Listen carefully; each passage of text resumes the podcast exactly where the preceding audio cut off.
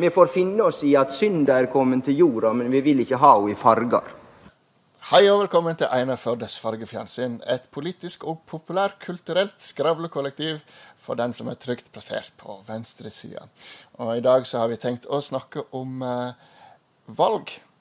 Og, og det er selvfølgelig ikke vårt eget valg, men et valg langt, langt der borte over Atlanterhavet. Og det er primærvalget til eh, demokratene i USA.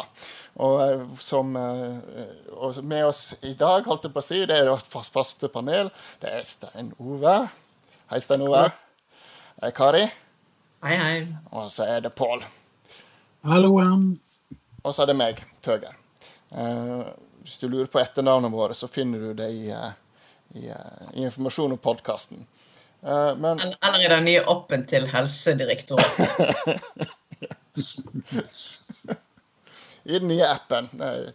Men eh, skal vi bare sette i gang? Stein Ove, du er jo den som kanskje er mest interessert i dette her. Du har vel noe, noen gullkorn å komme hva, hva, er situasjonen nå i USA og primærvalget til demokratene? Hva, hva, er, altså først, hva er det for noe? Eh, primærvalget er eh, den eh, prosessen som er i det partiet som til enhver tid ikke har noen president, eller noen kandidat som ikke kan stille opp til presidentvalg, som ikke kan stille opp til presidentvalg lenger. Så må man velge hvilken kandidat man skal velge som presidentkandidat. I USA så var jo det sist Hillary Clinton. Hun vant ikke valget, selv om hun fikk flest stemmer i overveldende grad. Eh, og Det betyr at Demokratene denne gangen må finne sin kandidat. Eh, det startet som et felt på langt over 20 eh, personer. Flere av dem svært kvalifiserte, men mange av dem forsvant i den prosessen som kom fram til at primærvalgene kunne starte i februar. Først og fremst fordi det koster vanvittig med penger å drive presidentkampanje i USA. Og selvfølgelig også fordi det ikke er plass til 28 kandidater i en slik debatt. Når man kom fram til det første primærvalget i Iowa, så sto det først og fremst eh, mellom Joe Biden, som var visepresident under Barack eh, Obama, Bernie Sanders, som var motkandidaten til Hillary Clinton i 2016, og eh, fanebærer for venstrepløyen, i tillegg til Pete Buttigieg, en veldig lite kjent eh, tidligere ordfører i Indiana, som hadde skapt seg et eh, navn i løpet av de siste månedene. Og senator Elizabeth Warren, som også representerer eh, venstrefløyen i eh, partiet. Hun sitter i senatet fra Massachusetts. Så begynte prosessen, og det var en rotete prosess i Iowa som tok lang tid. Den endte med en slags, et slags uavgjort overraskende mellom Buttigieg og Bernie Sanders, med Joe Biden langt nede eh, med lite tilslutning. Sånn var det også etter det neste valget i New Hampshire, hvor eh, Sanders vant med rundt 25% Og også i caucus-valget, og vi skal ikke snakke om caucuses, vant Sanders før Biden kom tilbake.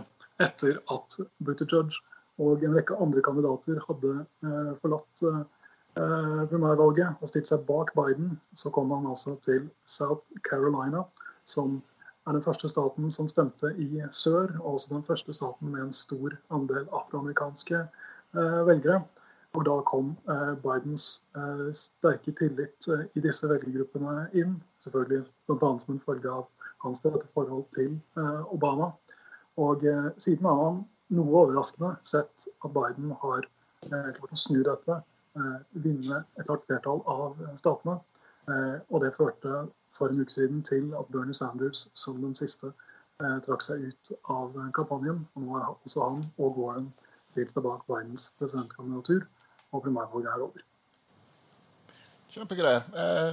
Det betyr jo nå at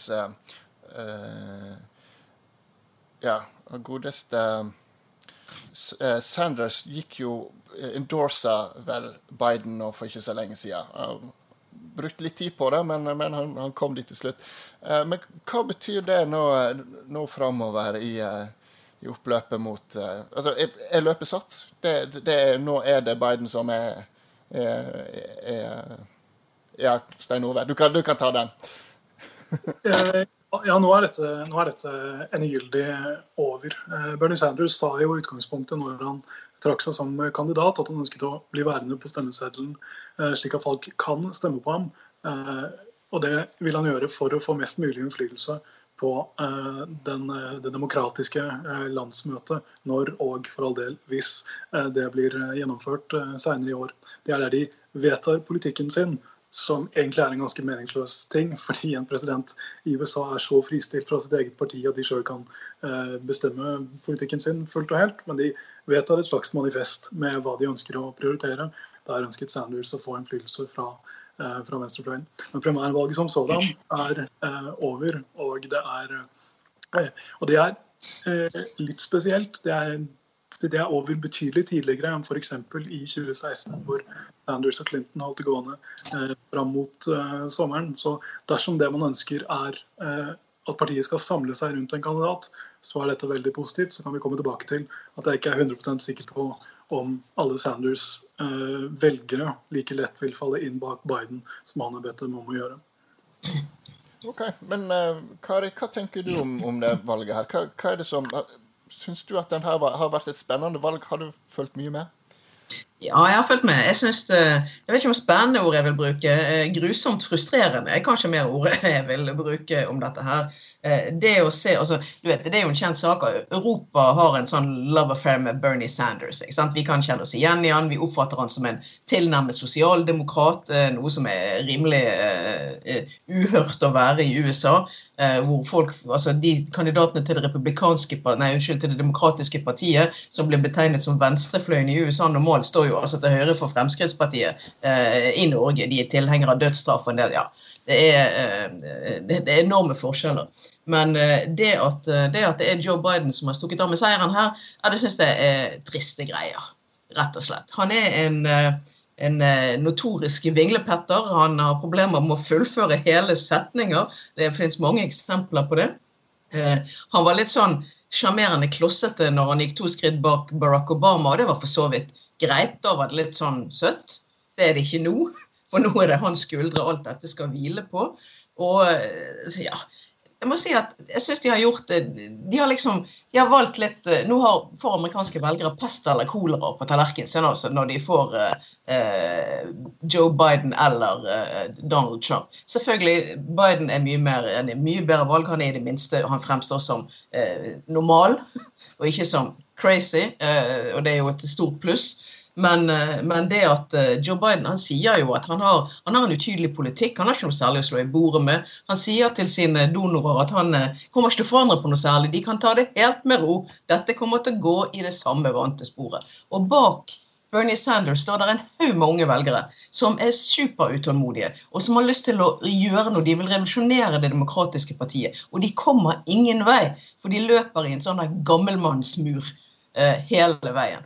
Bare det at eh, Joe Biden faktisk er 77 år, er jaggu meg ganske bekymringsfull. Han kommer til å bli tidenes eldste amerikanske president hvis han blir valgt. og Nå håper jeg jo sånn sett at han gjør det, da. Men eh, ja, den eneste som så ville slått ham på det, var jo, var jo, Bernie Sanders, som er enda eldre. De har en, gammelmannssykeproblem der i gården som er helt ille. Vis meg et skandinavisk land hvor de hadde valgt en 80-åring til statsminister. Det er jo helt, helt tullete. Uh, takk for meg. Veldig bra. Nei, men Pål, gamle menn, eh, hva tenker du om, om det?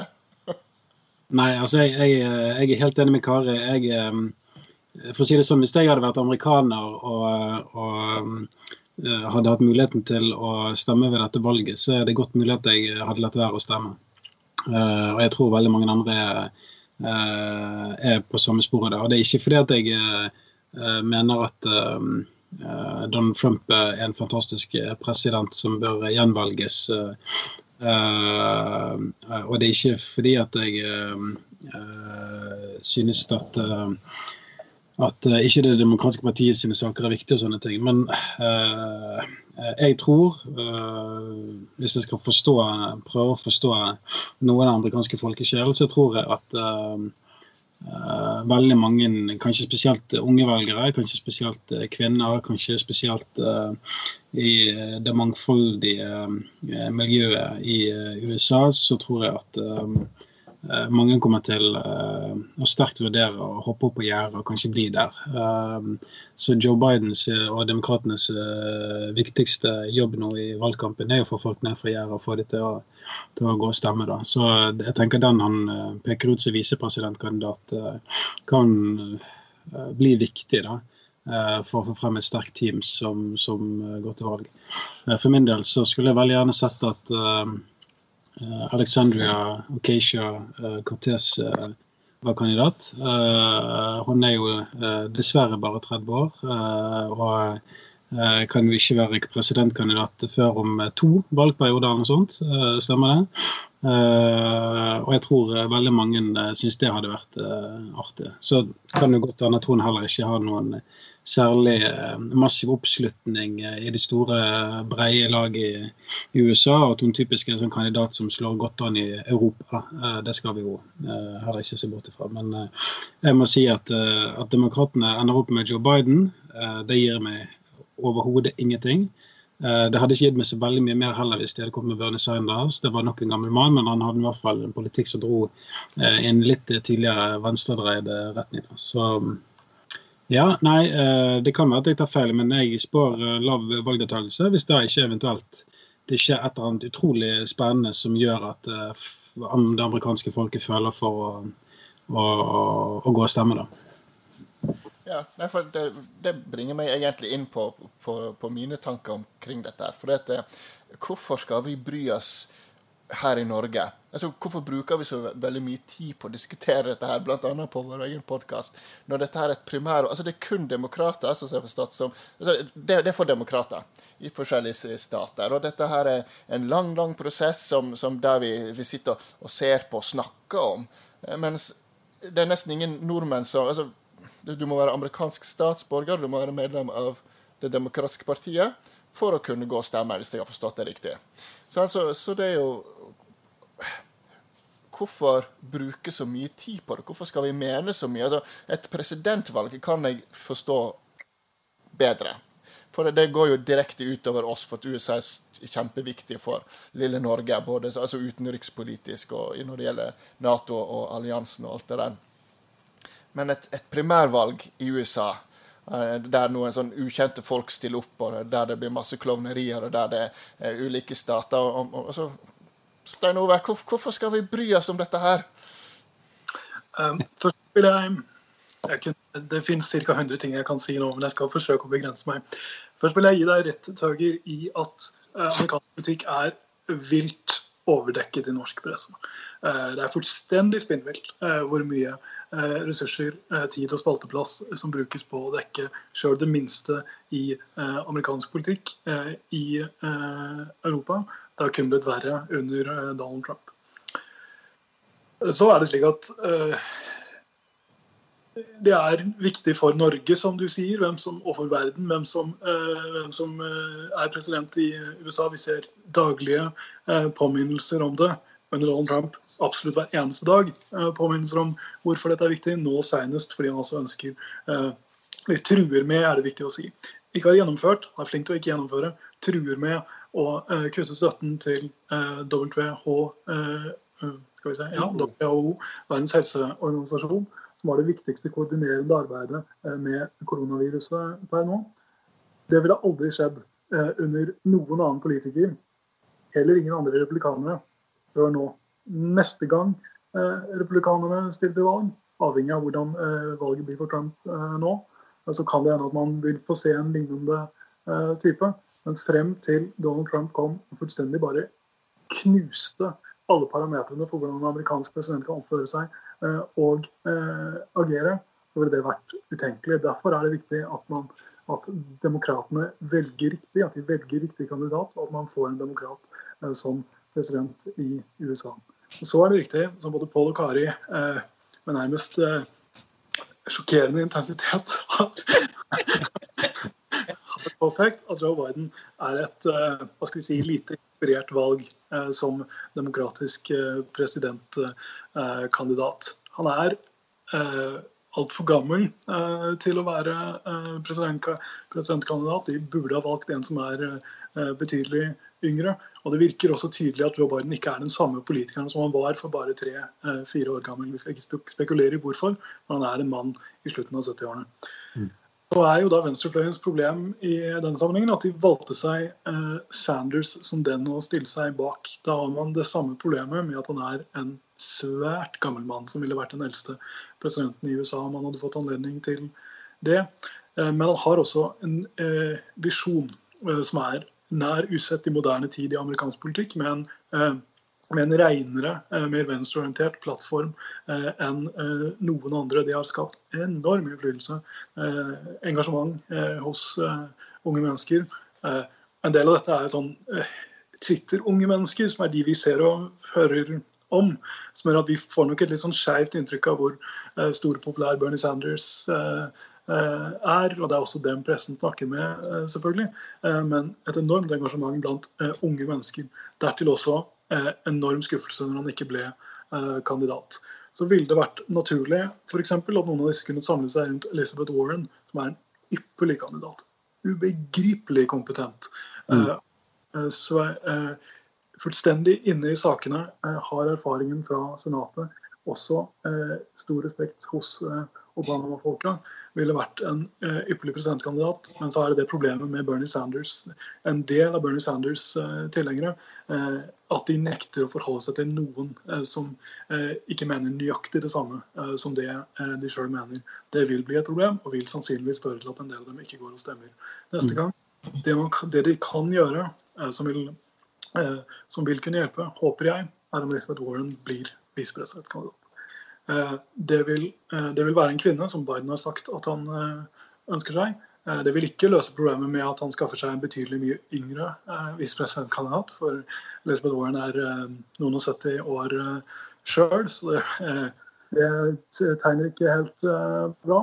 Men hun snakker bedre til venstrefløyen enn de fleste andre kandidater utover de sånn 10-12% som nok er tapt uansett for demokratene interessant eh, innspill. Når du sier eh, en kvinne, Bernie, nei, en kvinne Joe Biden kan ønske seg. Mm. Ja. For nå, eh, som nærmest på signal, så tyter det ut anklager mot Joe Biden for seksuell trakassering. Mm. Det renner formelig over. Nå kommer den ene etter den andre. De vekker til live gamle historier. Uh, og de varierer i slang meg opp mot veggen og uh, gjorde uh, uanstendige ting med meg, til gned nesen sin mot nesen min og kysset meg på håret. det er liksom hele spekteret av greier som, som, har kommet frem. Jeg satt akkurat og leste det her i sted før vi gikk på. og det er jeg Tror dere det, det kommer til å virke bedre på han? Altså, Det virket jo overhodet ikke på Donald Trump. Han ble jo knepet på, på, på fersken i å si mye verre ting enn, en Joe Biden er anklaget for nå. Uh, og det bet ikke på i det hele tatt. Tror dere det biter bedre på Joe Biden? Altså, jeg, jeg, tror faktisk i Joe Bidens tilfelle så kan jo det eh, kanskje gi han en piff eh, i at han kan virke mer viril eh, og mer eh, spenstig som kandidat eh, enn det vi tolker han som. Men det er klart at for unge velgere og for kvinnelige velgere så er jo det en katastrofe å ha en, en sånn mørk sky hengende over eh, demokratene sin eh, presidentkandidat. Så, eh, men det er klart, sant eh, Donald Trump har vel løyet i, per januar 2020 så har han løyet 16 000 ganger. Jeg viser vel en oversikt som Washington Post har, har laget. og Den er sikkert nærmere 20 000 nå når vi er kommet til april og, og koronaviruset har uh, inntatt jordkloden. Sånn at uh, uh, og Allikevel så har Donald Trump eh, den høyeste approval-ratingen eh, som han har hatt hittil i sin presidentkarriere. Har han hatt nå i oppseilingen mars-april. 45,8 eh, i approval-rating som Nate Silber eh, har beregnet. Um, så det er klart at um, den, den amerikanske velgeren har jo kanskje en litt annen inngang da, til til uh, hvem som skal lede landet og hva man uh, forventer i en president, enn hva vi kanskje ser for oss i Norge eller i, i, i Europa. Altså, uh, sånn som Barack Obama hadde vært opp til, til majoriteten i Norge og Europa, så hadde jo han blitt gjenvalgt for resten av livet. Men husk på at han, han, var også en sterkt omdiskutert president i USA. Og hadde også perioder med lav approval rating, selv om i forhold til Donald Trump så, så uh, har han alltid lagt høyere. da. Så jeg tror det er liksom noe med å forstå den amerikanske befolkningen og hva de ser for seg i en president som, som kan være vanskelig for oss uh, av og til å catche helt i, i Norge. Stein Ove, du hadde noen tanker her? Ja, jeg tror, uh, Til det Kari sier, så er det også Jeg tror uh, det er viktig å skille mellom republikanere og demokrater i denne sammenhengen. Eh, republikanerne har hatt rik anledning til å bestemme seg for om de tror på Donald Trump, og hvorvidt de bryr seg om eh, alle anklagene, eh, de veldig godt underbygde anklagene mot Donald Trump. Også fra lenge før han ble president. De har bestemt seg for at de ikke bryr seg. Det gjelder også den store delen av evangeliske kristne, som normalt sett, hvis dette hadde vært Hillary Clinton eller en republikaner på 80-tallet, eller hva det ellers måtte være, hadde bestemt seg for at dette var liksom deal-breakeren. Men det skjedde i presidentkampanjen på den sjukeste dagen i amerikansk historie, da fire gigantiske saker eh, skjedde eh, samtidig, denne Pussygate-saken i eh, oktober, eh, de bestemte seg for at det er viktigere for oss at vi får en president som eh, sier at han står for de tingene vi står for. To be decided var det på det daværende tidspunkt, eh, enn disse sakene er. For demokratene tror jeg det er litt annerledes, fordi Eh, de har, eh, dette er et viktig kulturelt spørsmål for venstresida i eh, USA. og Da gjelder det man, hvem man skal tro på, hvordan man skal takle det. og Demokratene har brukt mye kapital på å kritisere Trump og kritisere menn som har gjort usømmelige til ulovlige ting gjennom de siste, siste, årene. Når det gjelder Biden-anklagene, så har New York Times konkludert med at de ikke kan konkludere med at dette eh, er en sak som har den siste saken som, eh, som eh, At de kan konkludere med at dette har skjedd. Man har heller ikke, sier man da, sett noe tilbakevendende mønster som skulle underbygge dette. Men så har man de tidligere anklagene som Kari kommer inn på, med sånn, eh, brudd på intimitetssoner eh, og den slags eh, ting, som er langt unna det Donald Trump har vært anklaget for. men selvfølgelig Eh, sånn ubehagelig gammelmannsting som man bør holde seg unna. Eh, så, så, det kommer veldig an på eh, om demokratene mener dette er en alvorlig sak. Republikanerne kommer til å mene at det Joe Biden har gjort, er ekstremt alvorlig. Samtidig som de vil mene at det Donald Trump har gjort, er noe man ikke skal legge vekt på. For det har de lagt, lagt vekk for lenge siden. Men en av de uh, interessante tingene er jo hvilke velgere er det som avgjør dette her, og hva, hvem er det vi hører noe fra?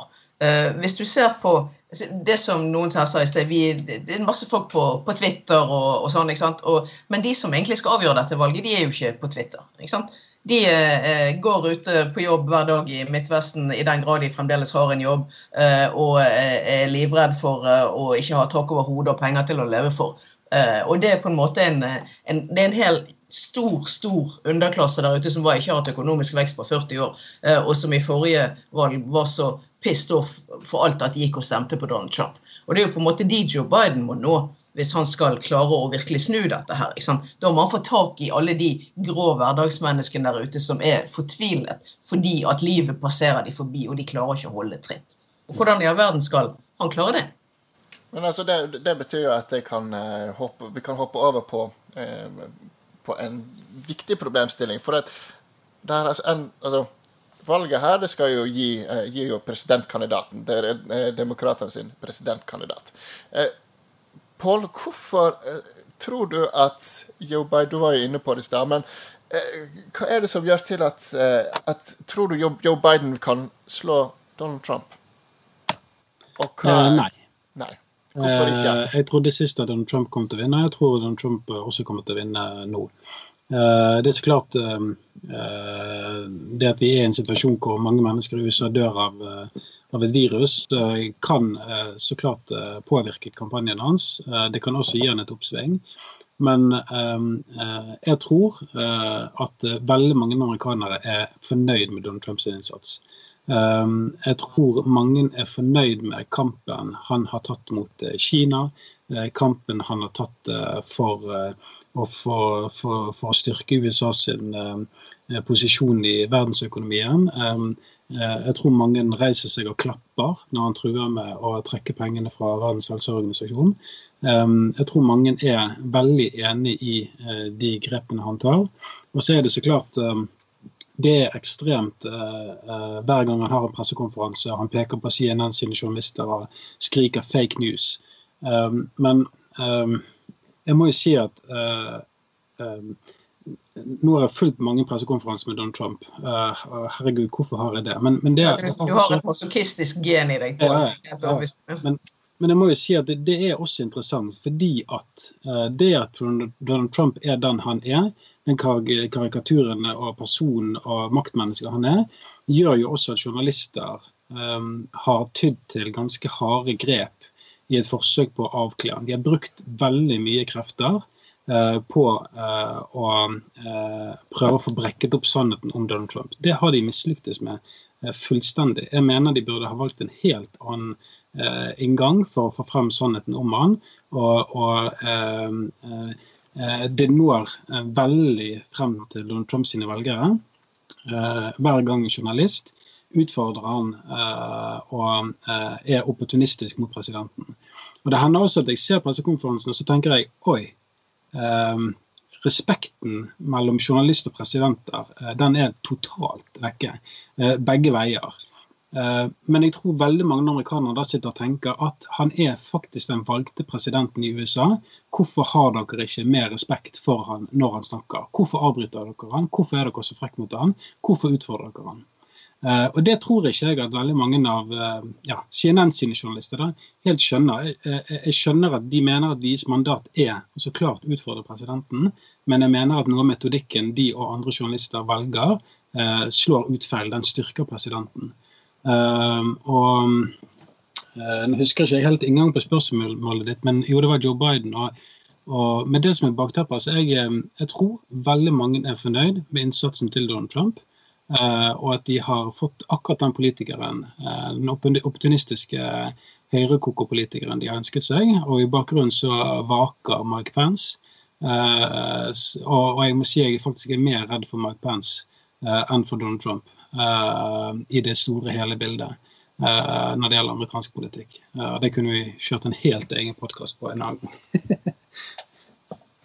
Så Hvis vi går tilbake til, til Biden og hans uh, vinnersjanse, hva, hva, tenker du om det, Kari? Hva tror du han vil uh, ja, det løpet er kjørt. Jeg er stygt redd for. Det, det vil overraske meg hvis Joe Biden klarer dette her. Han inspirerer ingen. Han er rett og slett ikke noen, uh, han er ikke noen vinnerfigur i det hele tatt. Han er ikke engang spissformulert nok til å uh, dra til seg uh, velgere. Altså, er, jeg finner ingenting ved Joe Biden. Donald Trump kommer til å rulle over han som en dampveivalg. Jeg tror rett og slett Det er forferdelig synd å si det, men jeg tror Donald, det blir fire år til. Du er der, Stein Ove. Hva tenker du om dette her, da? hva skal jeg si? Jeg hadde ikke skrevet i notatene mine på forhånd at jeg skulle liksom være den veldig positive fyren som skulle redde dette for lytteren og, og fremtiden. Eh, jeg deler eh, for en stor del eh, de pessimistiske karakteristikkene om hvordan dette kommer til å gå, eller kan gå, tenker jeg vi sier. For det er også slik at man er i hva heter det, april, tror jeg det er. Og valget er, håper vi, i november. USA er i en fullstendig krisetilstand. Det er flere arbeidsledige enn det har vært siden depresjonen. Og ingen vet hva som kommer til å skje. Veldig mye kan endre seg på de seks månedene som er igjen til, til valget. Eh, det vet man ikke. Det, og eh, vi har heller ikke begynt på selve valgkampanjen. Og hvis man husker fire år tilbake, så var det en fullstendig spinnvill. Mm. Eh, og det er også viktig at Donald Trump, på tross av at hans egne velgere, altså republikanerne, eh, stort sett er eh, veldig fornøyde med ham, så er han også den mest eh, upopulære amerikanske presidenten i moderne tid. Og hvis man ser på den, det meningsmålingsoppsvinget som han fikk i den første fasen av krisa rundt viruset, så var også oppgangen eksepsjonelt lav. Eh, man, nå finnes det ikke noe man kan sammenligne med. Hvis man sammenligner krisesituasjoner, så vil normalt sett en eh, statsleder få et oppsving som er betydelig høyere enn de 5-10 prosentene han fikk. Det viser hvor polariserende han er, eh, hvor mange som aldri kunne ha stemt på ham. Men det viser selvfølgelig også delvis at det er mange som kan tilgi ham hva som helst. Jeg tror Joe Biden får det svært vanskelig i, i, november. og at demokratene burde valgt en annen kandidat. Vi får håpe han får en visepresidentkandidat som kan bidra til å forandre det bildet. Men det aller viktigste akkurat nå er at Joe Biden begynner å synes. Eh, Joe Biden er ingen steder. Eh, han er nå helt alene. Han er i praksis valgt av sitt eh, parti til å gjøre jobben som presidentkandidat. Ingen hører noe som helst fra ham.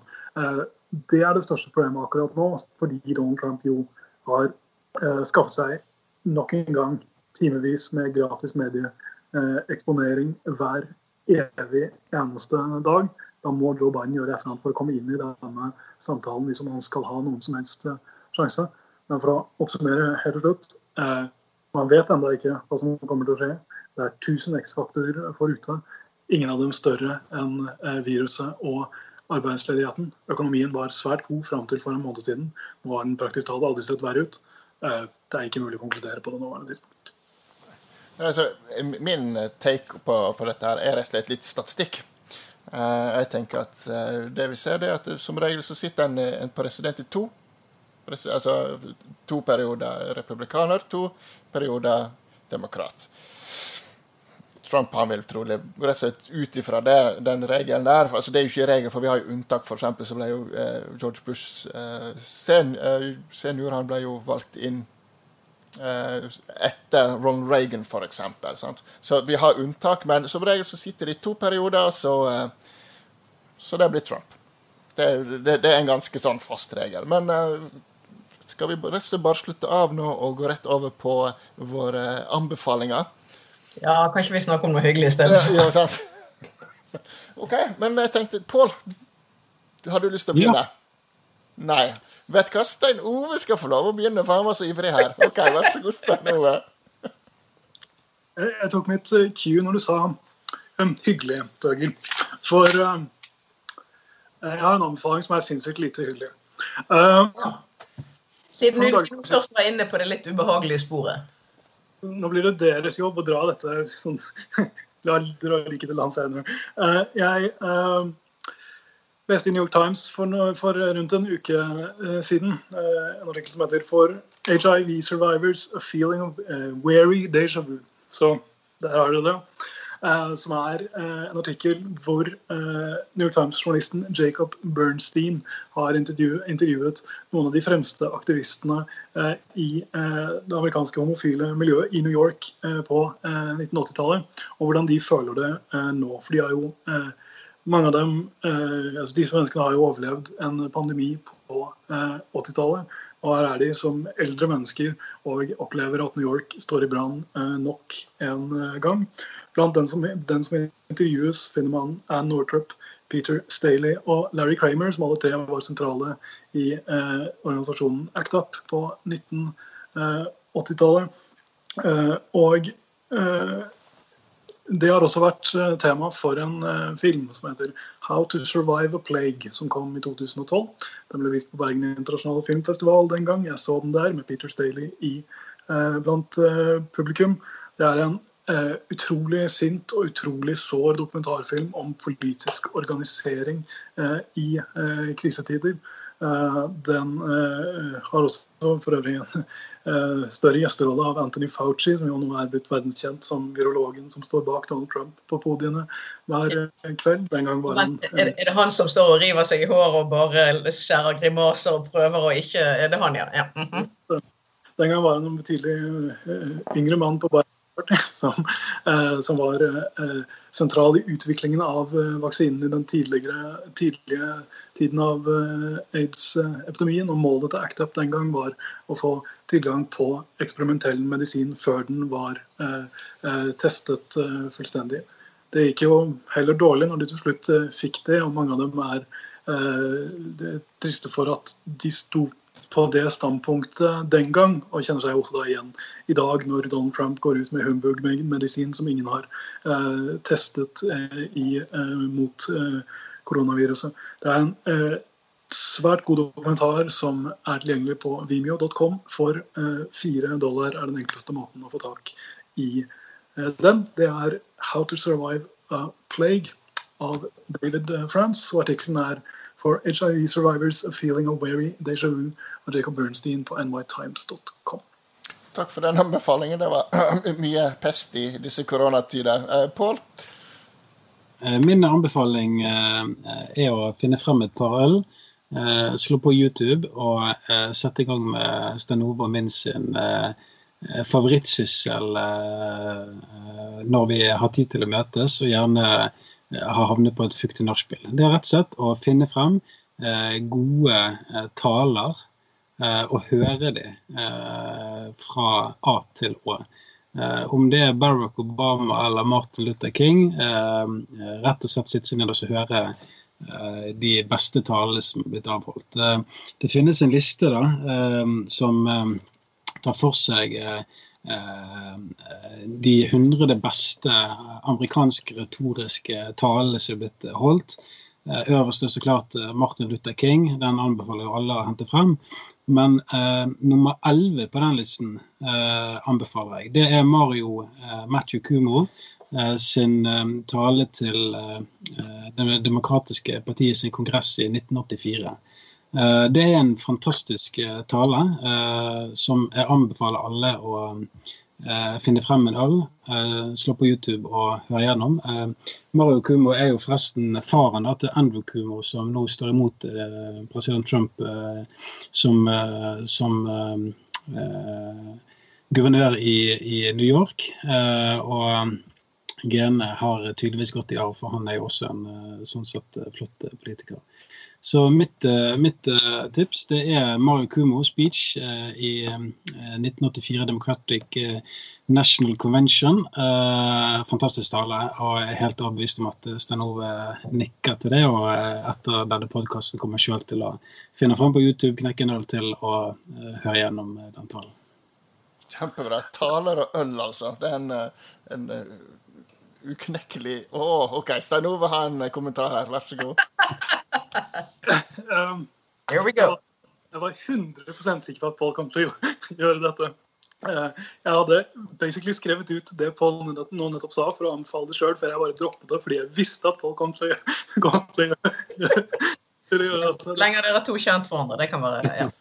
Mario Cuomo's A Tale of Two Cities fra DNC i 1984.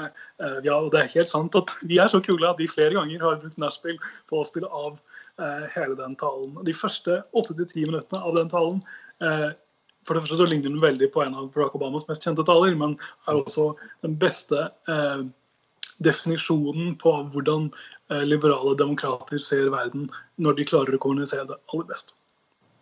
Jeg må bare skyte inn her at jeg føler jeg piker veldig mye nå i denne podkasten når eh, jeg faktisk treffer så bra med anbefalingen min at Stein Ove føler for å komme med eh, kommentar og tilleggsopplysninger. Da, da, har jeg faktisk Det er life goals, eh, for det skjer ikke ofte, altså.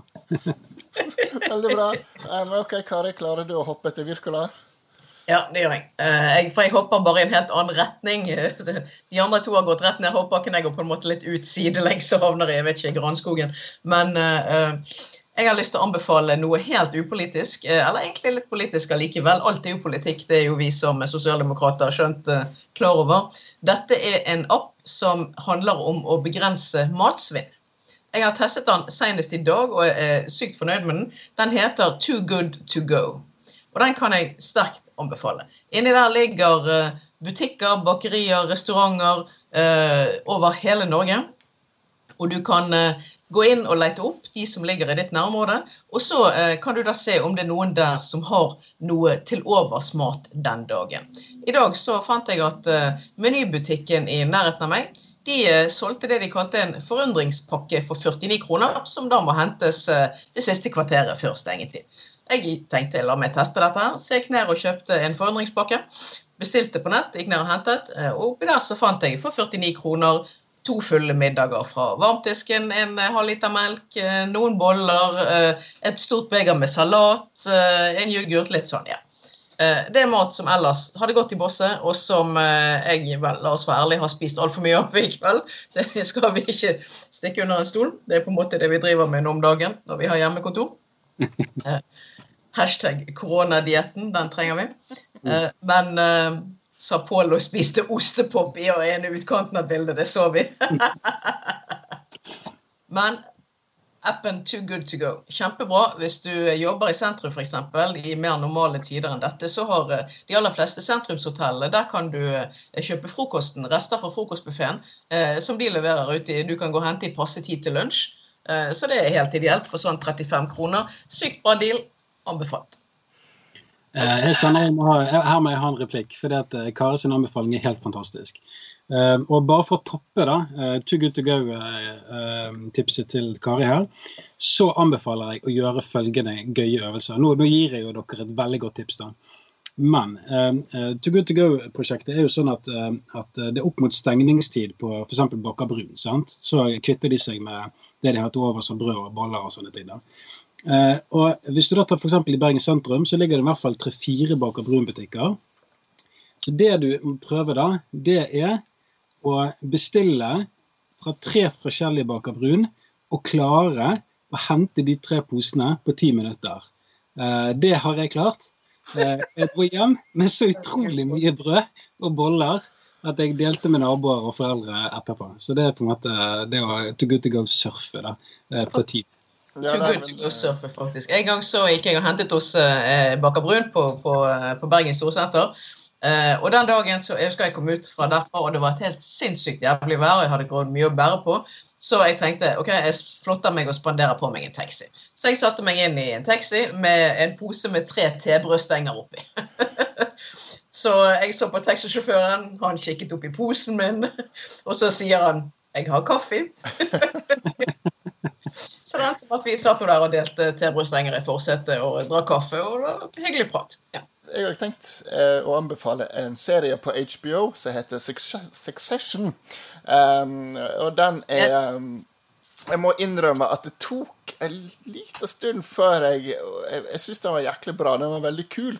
Uh, og, men det tok en stund før jeg oppdagde at dette her egentlig var en litt sånn at det var satire, at det var, at det var, komedie. Og Grunnen til det var at jeg hadde gått ifra City on a Hill, sånn skikkelig, som er, en annen serie. Og mm. Den er så overspilt med Kevin Bacon. Og det var, det var, så overspilt at jeg oppdaget ikke at, at, at den uh, Succession var en, en uh, jeg trodde først at det var et drama, må jeg innrømme. Men når plutselig eh, ting falt på plass, så handler dette om en veldig rik familie. Eh, og eh, om en mediemogul. Litt sånn paralleller til, til, Fox News og til uh, Murdoch. Uh, og hvordan da de kjemper om makta i den familien. Der det, det er tre barn, og så er det faren. Og faren holder total kontroll på disse stakkars ungene. Og disse ungene prøver hele tida å veksle mellom å degge med faren eller gå i opposisjon til han og, med, og intriger seg imellom. Og, og, ja, så, så uh, det er en Det er mye driv i den, den serien der. Så i disse koronatider så er det virkelig noe å å, å få med seg. Så Kari?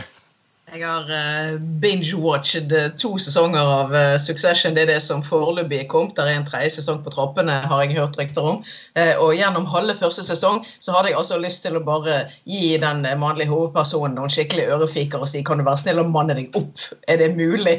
så, og etter hvert så, så, må jeg si at jeg fikk voldsomt økt sympati for han. Og nei, vet du hva, det er en, det er en kjempebra serie. Det er en ordentlig bra serie. Den sier noe om hva så mye penger gjør med folket oss. Og den gjør ikke fine ting med folk, det tror jeg vi kan si. Det er ikke folk, nei, det er absolutt ikke Stein Ove. Jeg uh, tilhører den veldig lille minoriteten som har sett Succession og ikke liker det. Men uh, det er ikke fordi jeg ikke syns det er morsomt, for det er veldig morsomt. Det er ypperlig spilt. Uh, jeg syns alle karakterene er helt jævlige. og det er også en sånn tone som jeg ikke liker. fordi han som står bak det, har også laget noen andre ting jeg absolutt avskyr, sånn som filmen. Et par andre ting, Vi kan snakke om det en annen gang. Men uh, det ene som Kari uh, påpeker om at det snart kommer en ny sesong uh, Nå har jeg ikke sjekket dette, men dette er jo liksom den nye virkeligheten. veldig sannsynlig at det ikke snart kommer en ny sesong. Og det er jo fordi veldig store deler av Hollywood må eh, legge ned produksjonen sin eh, i eh, disse dager, og man vet virkelig ikke når ting kommer tilbake. Så snart vil vi være et sted hvor eh, det som kalles peak TV, at det kommer eh, nye sesonger og nye TV-serier, 48 av dem i uka, vil snart være, for en periode være historie. Det blir litt spesielt, men så er det jo da også produsert sånn 600 nye TV-serier i forrige tiår, så det er nok å ta av. Jeg har bare sett én sesong av Succession. Kanskje skal jeg, forsøke. jeg har forsøkt. Kanskje skal jeg prøve en gang til med sesong to. Takk for alle de flotte anbefalingene, folkens. Du lyttet til eh, Einar Førdes fargefjernsyn. Du hørte Stein Ove Lien, Kari Bernardini og Pål Hafstad Thorsen. Og meg, Tøger Fimreite. Ha en fantastisk kveld eller dag videre.